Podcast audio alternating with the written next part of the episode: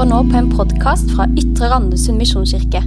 For mer informasjon, besøk yrm.no. Hei og hjertelig velkommen til en ny episode av YRM-podden. Uh, mitt navn er Isak Woie. Jeg jobber her i eh, Ytre Randesund misjonskirke som ungdomspastor. Og nå uh, har høstværet inntruffet. Det er litt, en litt grå dag i dag. Litt kjipt. Eh, Langbuksa måtte på. Eh, og sånn er det når sommerferien er over. Og håper at du som hører på, har hatt en fin sommer med mye sol og, og litt eh, avslapning hvis det går an å få. Finne på noe gøy med familie og venner, og ellers hatt det veldig fint. Og så er vi i gang igjen med ny høst her i Ytre misjonskirke. Eh, og vi skal i gang med gudstjenester og konfirmantarbeid. og ja, Vi har allerede hatt en gudstjeneste og hatt uh, kirkehelg. Uh, og nå kommer denne podkasten på en søndag der det ikke er noen aktiviteter. Og da, Torbjørg Oline, hovedpastor her i kirka, velkommen skal du være. Takk, Isak. Da har vi lyst til å lage en podkast som uh, slippes denne søndagen, ikke er noe opplegg. Og vi har lyst til å snakke om noe du snakka om på forrige søndag. Gudstjeneste og det som en hellig vane. Men dette er en del av et større bilde òg, som er for hele høsten. Kan ikke du si litt om uh, hva vi har lyst til å fortelle oss og preke om på gudstjenesten vår og fokusere på i kirka i denne høsten? Yes, Vi skal ha trospraksis som overskrift for alt vi gjør i høst. Og jo, du skal jo helst tale både kort og gripende på en gudstjeneste. Og jeg er jo en lærer i hjertet. Jeg syns det er så gøy å undervise. Mm. Og Derfor skal vi ha noen mer sånn undervisningspodder. Hvor Yrmpodden er gått fra å være mer sånn intervjubasert Eh, og også kanskje blir en eh, synergi mellom det og bibelsamtalen. Så trospraksis som tema for høsten. Det er egentlig det evige dilemmaet mellom tro og gjerninger. Mm. For det er nok å tro. Ja. Av nåde er du frelst. Ja. Det er din tro, ikke gjerningene dine. Og likevel så virker det som Jesus så naturlig forventa at det også skulle vises i livet våre.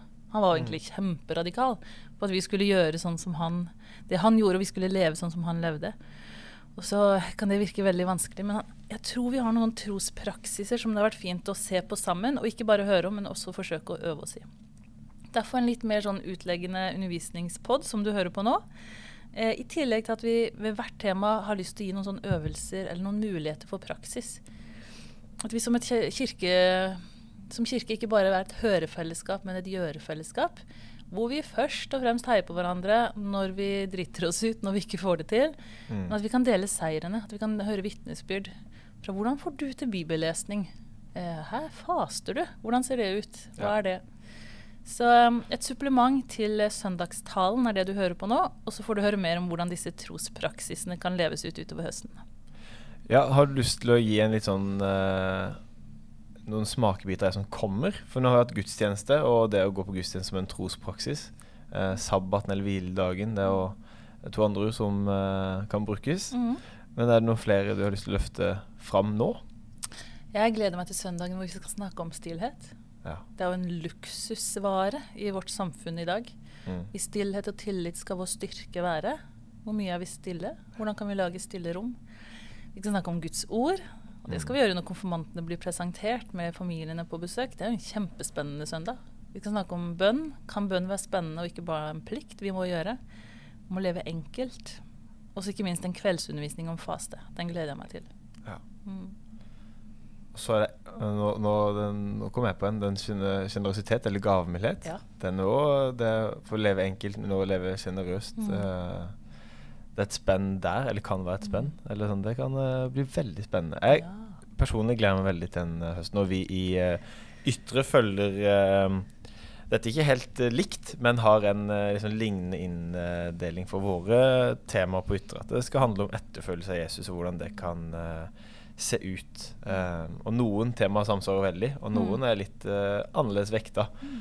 Men det er et sånn fokus på disippelliv og etterfølgelsen av Jesus som, eh, som på en måte er sånn ikke over, men sammen med trospraksisfokuset. da. Mm. Uh, jeg bare leste uh, Dietrich Bonhoeffer i sommer. Uh, store tyske teologen som sto imot nazistene under, under Hitlers regime og alt det der. Og han sier det at et liv Altså, du blir frelst av nåde, men som første valget du må ta, det er å leve i lydighet til Jesus. Og da blir du ikke nesten ordentlig frelst, men det, uten det valget så hva er da frelsen, på en måte, sier han litt sånn skarpt, da.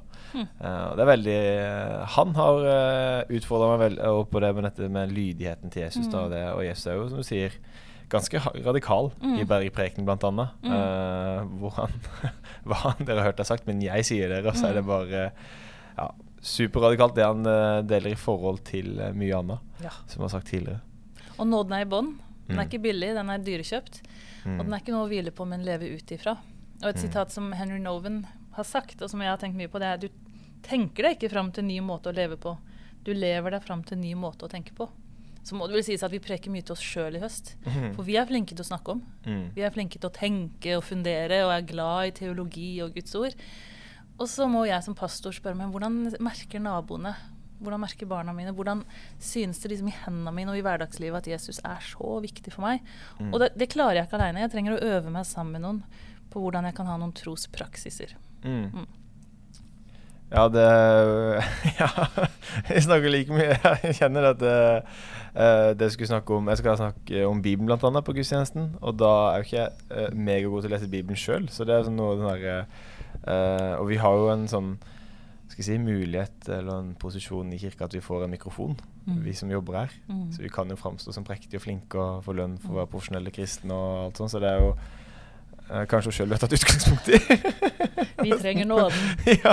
ja. Men én ting som kanskje er lettere for oss enn mange andre, det er jo å prioritere gudstjeneste. Ja. Fordi det også er jobben vår. Ja.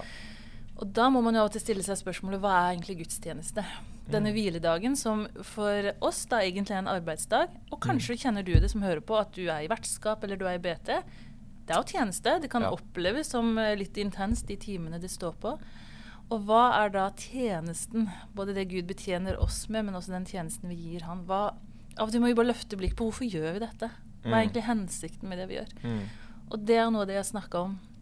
At gudstjenesten kanskje er det der grunnpraksisen som de andre hviler på. Det er den drei, som får dreieskiva til å gå rundt. Mm. Og jeg håper du kanskje kan bli enten provosert eller interessert og har lyst til å snakke med noen om dette i smågruppa di eller i familien eller med andre. Eh, fordi dette ikke bare er de sånn rette og sanne svara, men det er en samtalestarter på Mm. dette med gudstjeneste. Mm. Mm. Ja, for eh, la oss eh, hoppe inn i dagens tema. Mm. Gudstjeneste. Nå har vi vært eh, Nå har vi holdt på syv og et halvt minutt med intro og det som er, så vi, vi, vi kan jo prate. Men gudstjeneste søndag som oftest. Mm. Annerledesdagen ifølge KrF, som Mhm. de kjemper veldig i politikken. Ikke at det her var en politisk podkast, men eh, det min, når de sier det, så minner det meg på Å ja, stemmer det! Jeg tar liksom søndag for gitt. Mm. Og dette er det er den siste dagen i uka for oss, men i Amerika så er i kalenderen er den satt først. Mm. I uka feir, starter uka med å feire oppstandelsen. Mm. Altså det, man, uh, gudstjenesten det kan legges mye forskjellig tyngde Mm. i det. Er det som du sier et, øh, et, øh, en dugnad? Eller er det feire i- Kristi oppstandelse fra de døde og en tom grav? Mm. Uh, er det et pulsslag i mitt disippelliv, eller er det pliktløpet man går? Mm. Uh, men hva er gudstjeneste? Altså, du stilte spørsmål, Torbrug, så da Mhm. spør jeg har du en slags uh, Har du en definisjon, eller har du noen grunnsteiner du legger til grunn for hva en gudstjeneste er? De første kristne feira gudstjeneste, også basert på at de hadde feira sabbaten som jødekristne før det. Men de som ble lagt til den kristne tro, fikk jo kjapt merke at som kristne så feirer vi Kristi oppstandelse. Og han sto opp, som vi feirer veldig tydelig i påska. Men de feira altså oppstandelsen hver uke som en påminnelse på at eh, døden var overvunnet, og at det var der vi skulle hente kraft. Og så blei jo det etter hvert etablert som en tradisjon i det moderne samfunnet, at vi skulle ha én hviledag. Em, Men gudstjenesten i seg selv den er jo både en feiring av Kristi oppstandelse. Det er ikke kanskje alltid at det kommer så tydelig fram. Men så ligger det i ordet da, at det er Guds tjeneste. Eh, Det er Gud sitt. Mm. Vi kommer til Han, og så gir vi tilbake det vi har fått.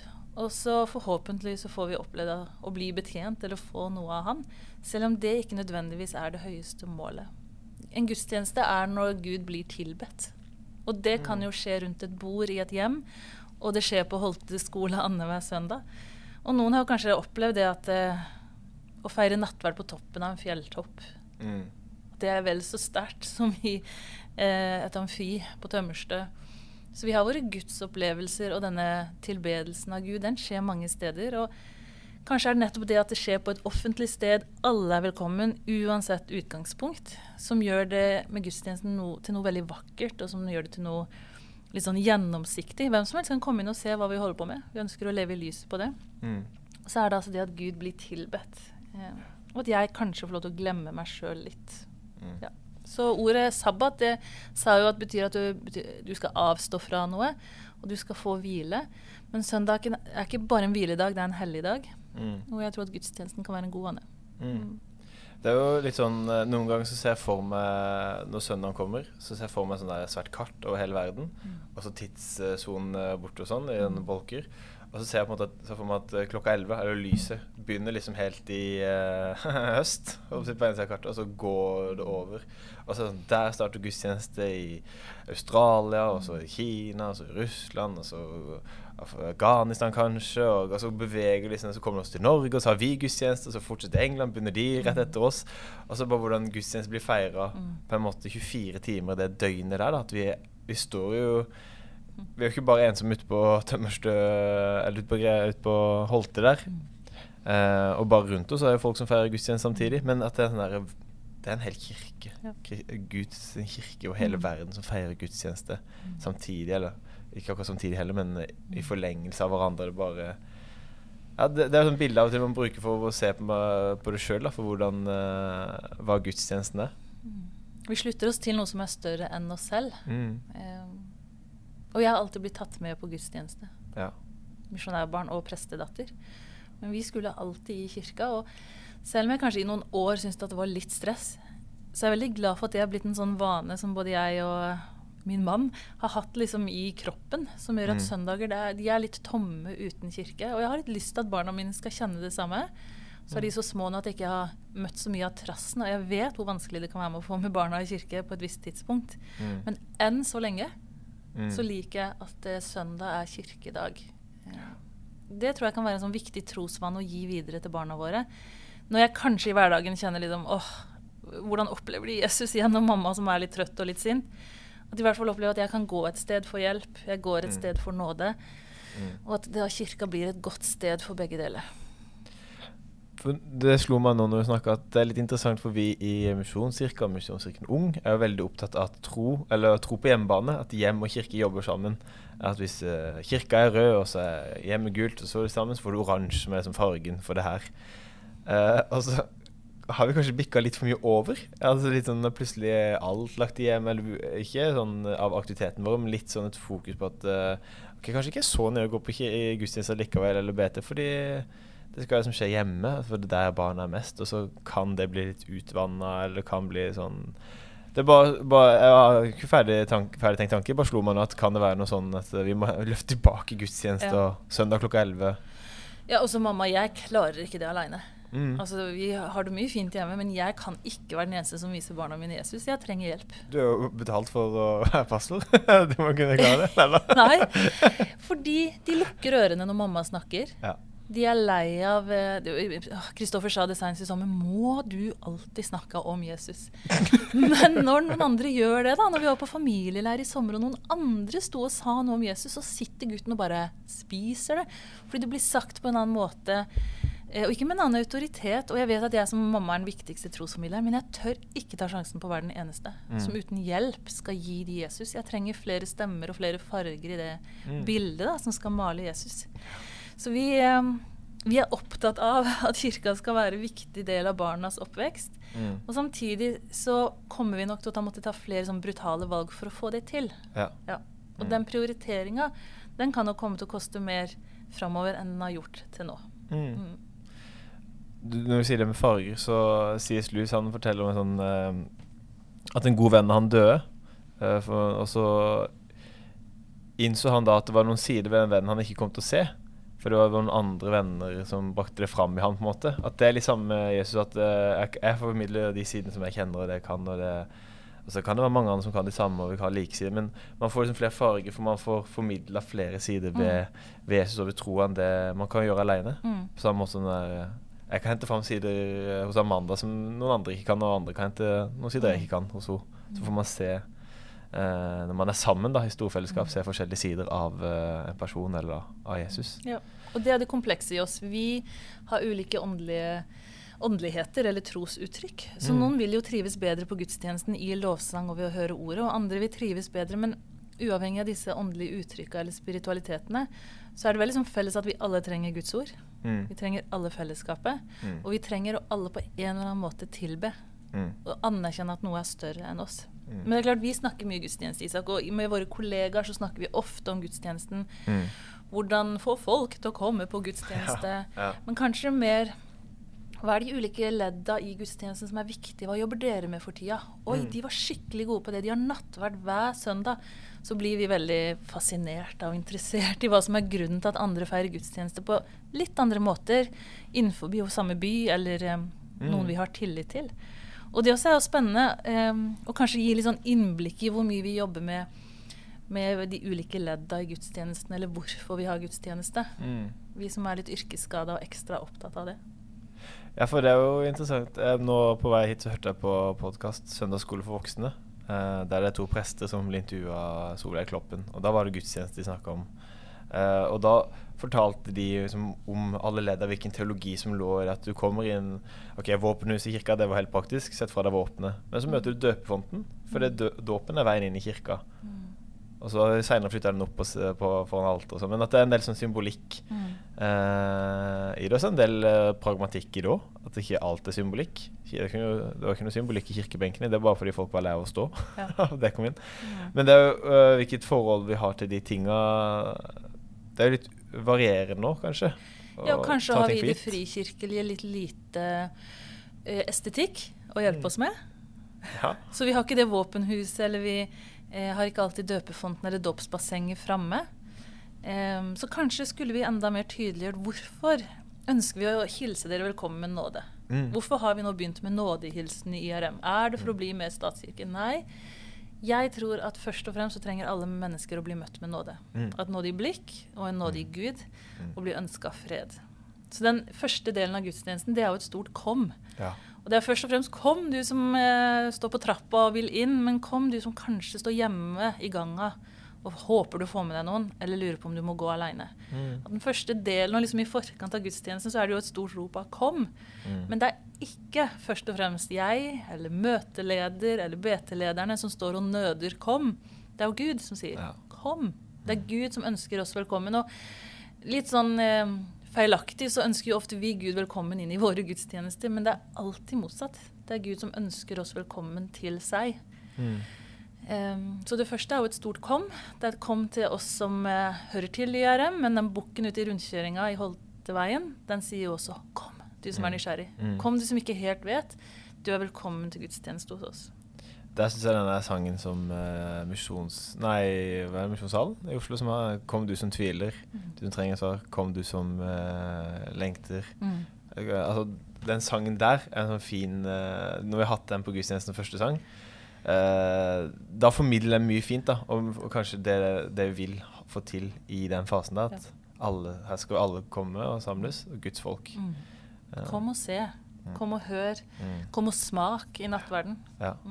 Og så er ikke sikkert alle som kommer, eh, er Guds folk, holdt jeg på å si. Det er jo noen som er ikke-kristne, så det er jo en eh, Da tenker jeg det er en fin invitasjon til de òg, da. Mm. Bare kom Mm. og se og ta del. Og OK, kanskje du tviler, kanskje du lengter, kanskje du har noen sår. Mm. Eh, men du skal få, få lov til å komme. Ja. At det ikke er en intern klubb som kommer sammen. Kom og bli møtt med nåde. Mm. Og så er neste Dette er jo Kjell Birkeland som har laga en veldig sånn praktisk inndeling av gudstjenesten-faser, som vi egentlig gjør, men som vi kanskje ikke er så bevisst på. Mm. Eh, men neste er jo kom og hør. Ja. Og det er jo ordet, at det er Guds ord som samler oss. Mm. Eh, det er Guds ord som forener oss, og det er Guds ord som skal forkynnes og formidles. Og det gjøres fra null til seksårsbarna til skolebarna. Mm. Det er jo andakten og forkynnelsen, det er Guds ord. Og kanskje skulle vi hatt enda mer rom for bare den rene skriftlesinga, hvor ordet får stå for seg sjøl. Ja. Hvor ikke noen andre skal forklare eller eh, bruke det for å underbygge en påstand, men at ordet bare får stå. Og kanskje kan skriftlesinga minne oss på å høre fra Gud, og ikke bare høre om Gud. At Gud er der ved sitt ord. Han er personlig til stede. Mm. Han skal ikke bare forklares og ja, 'Se han der borte', men han er her ved sitt ord. Mm. Mm. Så det er liksom neste at eh, du kommer for å høre.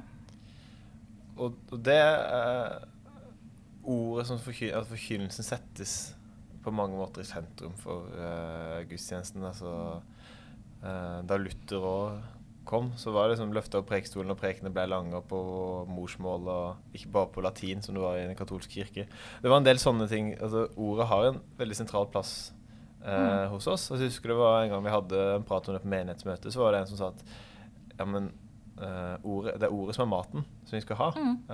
det er ikke det er ikke alt andre, sånn sa han implisitt, da, uten å si det. Men uh, så har jeg tenkt litt på det etterpå. Jo, det kan være uh, Man får noe ut av de andre tingene òg, men ja, ordet er enig i det. er Sentrum. Uh, forkynnelsen, altså så håper jeg at de andre leddene nå skal forkynne ja. ordet, på en måte. Men mm. at det er ordet som skal stå der i sentrum. Mm. Og da er det sånn kom og hør, eller uh, å få ta del i det, å høre hva Guds ord sier. Uh, og så, etter det, hva kommer da? Da er det jo å gjøre. Da er det jo en mulighet for respons. Og noen menigheter har nattverd hver søndag, men det er kanskje den mest sånn aktive delen menigheten tar i å reise seg, ta noen steg fram eller bak, og bare få ta imot. Uh, vi har også lyst til å åpne for at vi på gudstjenestene kan dele hvis vi blir minna på noe. Du kan gå til forbønn. Så det å gjøre, det å få lov til å liksom respondere på det du har hørt, er viktig. Noen av oss trenger litt tid. La det her synke. Så kan det hende at det utover uka blir noe jeg kan omsette til handling. Og noen er spontane og kjenner at ah, jeg vil nå enten tenne et lys eller bli bedt for. Mm. Ikke minst så tror jeg kanskje dette med stillheten, at vi kunne gitt litt mer rom for å bare være stille. Og la det være handlinga. Og la det her lande i oss. Så det går fra et kom, som er litt aktivt, til at man nesten sånn passivt sitter og får lov til å høre, la ordet virke på seg, og så skal det gis en mulighet for respons. Og her har vi jo snakka mye i stab om hvordan kan vi legge til rette for mer bevegelse i kirkerommet. Kanskje vi skulle hatt lystenning. Mm. Mm. Enda mer den aktive delen av å få lov til å gi et gjensvar på det man har hørt. Mm. mm. For det er noen, dette er noen, det er noen teologiske grunner til de ulike delene, men så er det noen sånn sosiologiske ja. gruppedynamikk-ting her som er sånn derre eh, Ja, kanskje uh, Hvordan skal jeg si det? Uh, Kjell han, fla, uh, han hadde undervisninger for oss en gang, så tulla han med at uh, citat, vi må ha mer av de gamle, gode salmene og mindre av de døde, kjedelige salmene i gudstjenesten. At det er veldig mye ulike behov da, mm. i det her. Mm. Uh, og så har jeg tenkt litt om går det an å snakke om de teologiske grunnene for de ulike elementene, for så at da uh, løfte opp på sånn nivå at alle kan på en måte tilslutte seg det, selv om det ikke alltid treffer meg mm. og min personlighet. Mm. Uh, at man kan finne noe verdi i det fordi man vet betydning av grunnen til hvorfor man gjør det. At, uh, uh, hvorfor skal barna være med inn da, i begynnelsen av gudstjenesten? Det er jo mm. bare bråk og ståk. og sånn. Og sånn som, som, gruppe er det jo bare helt kaotisk. Men så er det for at alle skal komme og være sammen. Mm.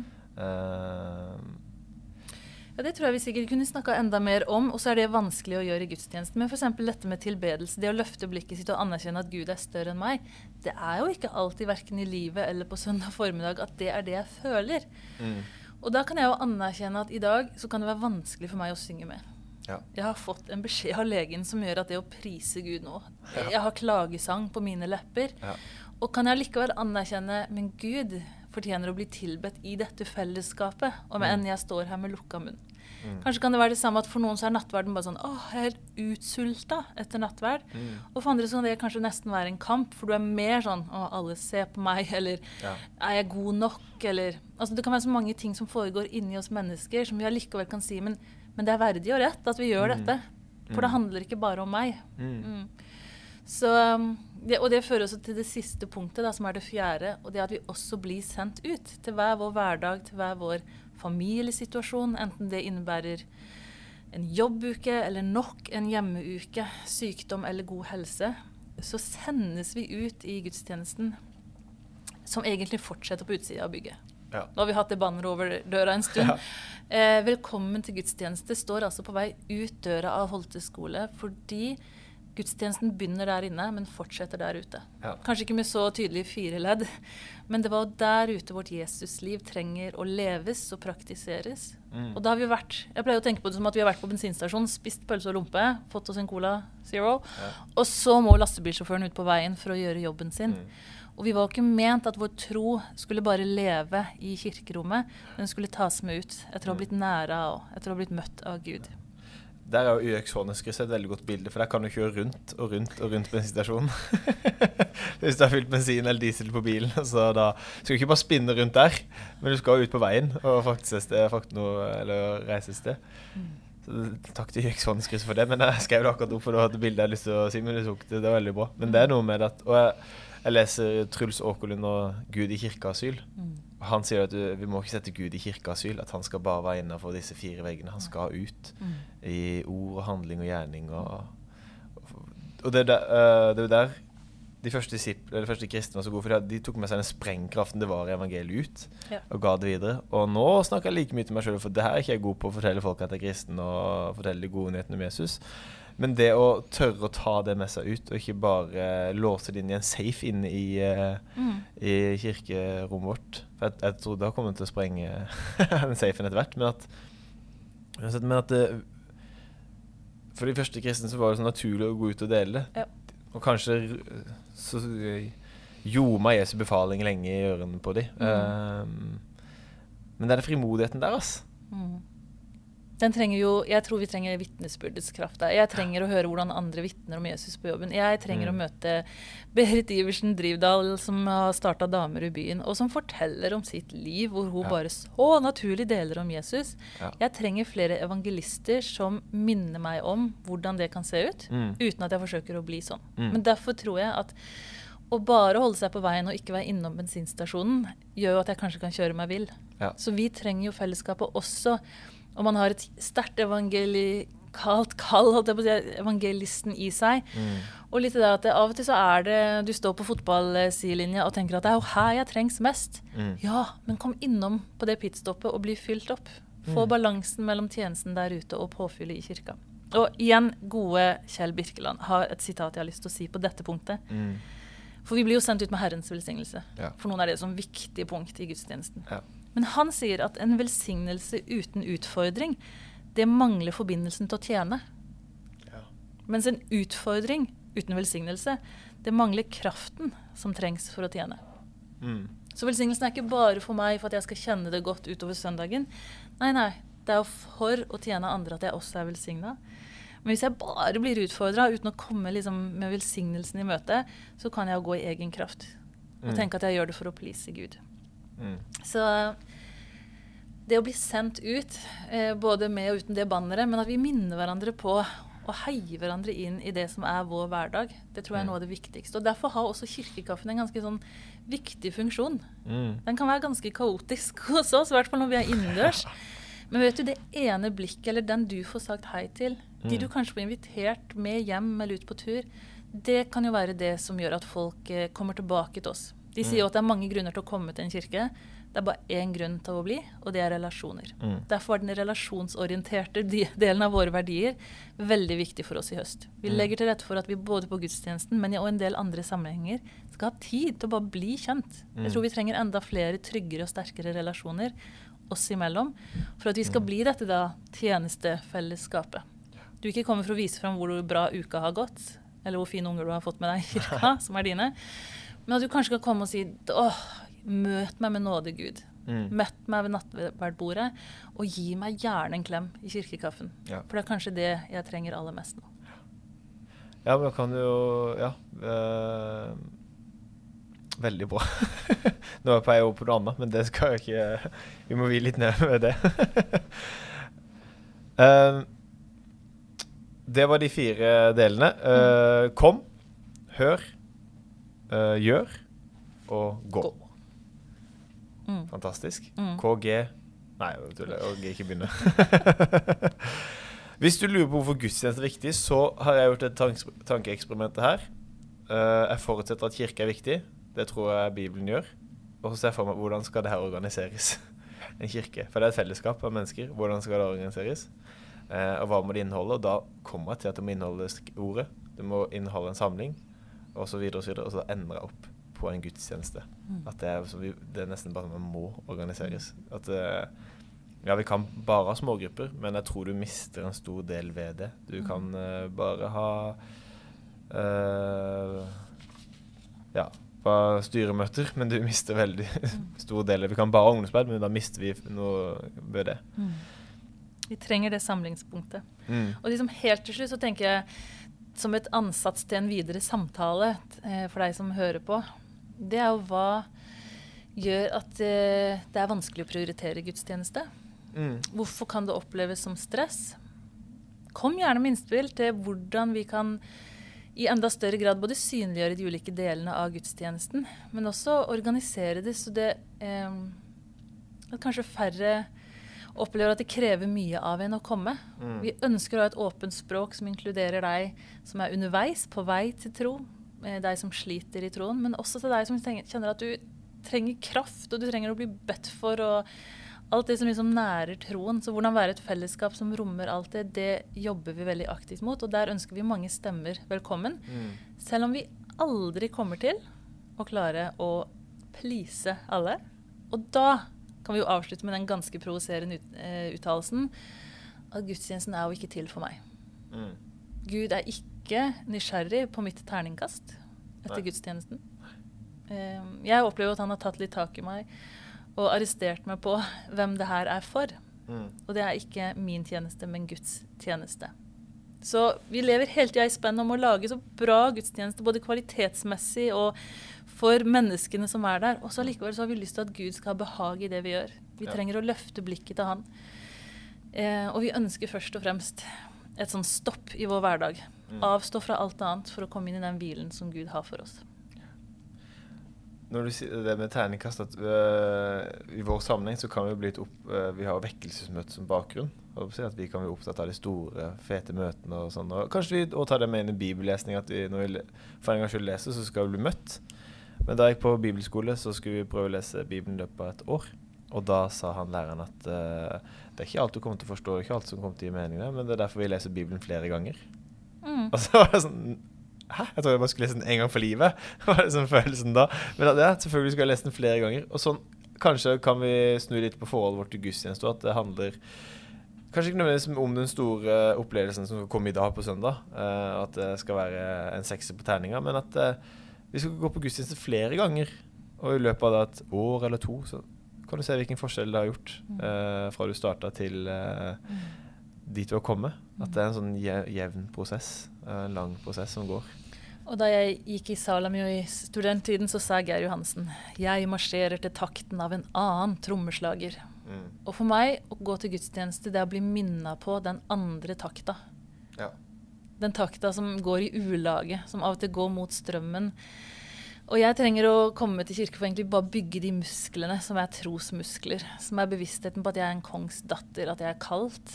Først og fremst at jeg er elska og møtt med nåde, men jeg er også del av et annet rike. Narnia-riket, som jeg sa i talen min. Det er et fint bilde på at vi egentlig hører til et annet sted, og så er det så lett å glemme. Så av og til så kan man gå inn fra gudstjeneste og ikke vurdere så mye på hva fikk jeg ut av det, hvor bra var det, men bare si til meg selv at dette var viktig, og dette gjorde meg godt. På samme måte som trening kanskje kan være en sånn viljesak, som du av og til bare går over den dørstokkmila fordi du vet trening er bra for deg. Kommer sjelden hjem og angrer på at du trente. Mm. Sånn er kirke også for mange. Da, at åh, Det kan være litt tungt å komme seg ut, men jeg tror det gjør noe med oss på dypet at vi velger det igjen og igjen og igjen. Så Ja. den trospraksisen som er dreieskiva som får alle andre vaner til å gå rundt, kanskje drøy påstand, men jeg tror at vi trenger det i bånd, og jeg tror vi som kirke trenger å holde hviledagen høyt og møtes til gudstjeneste. Da tror jeg mye spennende kan skje i vårt fellesskap om vi blir en enda mer trofast gjeng som møtes annenhver søndag. Og til alle som ønsker seg gudstjeneste hver søndag, la oss gjøre det sprengfullt annenhver søndag, da. Mm. Sånn kan det hende heller hende at vi må oppjustere til hver søndag. For jeg tror at det er den ene dagen i uka som fast rytme vi trenger i Guds hus. Mm. Og vi har gudstjenester hele høsten og til våren nå, håper vi. Hvis ikke koronaen blomstrer opp igjen. Banker bord for at det ikke skjer. Men vi har gudstjenester. Holte skole. Uh, Boledalsbakken 5. Uh, Annenhver søndag i oddetallsuker klokka 11. Da samles alle generasjoner. Eh, fra de minste til de eldste på 55. Vi har ikke noe eldre, det, men vi må få oss det. Gudstjenesten vår åpner for alle, og vi håper at uh, du som kanskje er nysgjerrig på kirka vår, har lyst til å ta en tur innom. Vi har deg med i tankene når vi planlegger gudstjenestene våre. Så håper at du også som er fast medlem i YRM, også har lyst til å komme og ta del i det uh, store fellesskapet som vi er. Så håper jeg at vi får mange fine gudstjenester framover. Og eh, at eh, vi ikke bare spinner rundt YX Håneskrysset, men at vi tar det som er ute på veien, ut i hverdagen våre. Torbjørg, du skal snart hente noen på Kringsjå, så vi må runde av. Vi kunne jo holdt på dobbelt så lenge. Jeg har altfor mange punkter jeg skulle ha sagt. Ja. Next Eh, time. neste gang. Men takk for at du ville snakke om gudstjeneste med Torbjørg. Takk. kunne, og håper at dette var matnyttig for du som hører på, og at vi ses til gudstjeneste eh, neste gang. Søndag 4. september. Søndag 4. Oi, september. oi, oi, da får vi møte konfirmantene våre. Ja, det, Det blir blir herlig. så spennende. Hører du på det etter podkasten etter søndag 4. september, Det så noe. Ja. så er det Nei da. Så sjekk yrm.no for mer informasjon om det, eller Facebook. Ytre misjonskirke der. Takk for at du hørte på, og så høres vi igjen.